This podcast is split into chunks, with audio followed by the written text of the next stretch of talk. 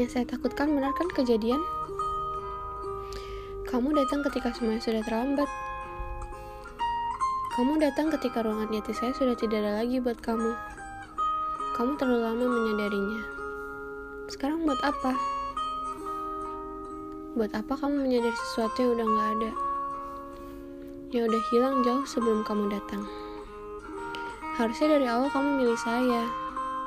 Dan andai aja kamu tahu, saya maunya kamu datang dengan perasaan saya masih utuh buat kamu. Tapi perasaan itu bukan benda mati dan ia hidup dan harus lanjutkan hidup. Udahlah, nggak ada gunanya lagi bahas sesuatu yang udah mati, ya kan?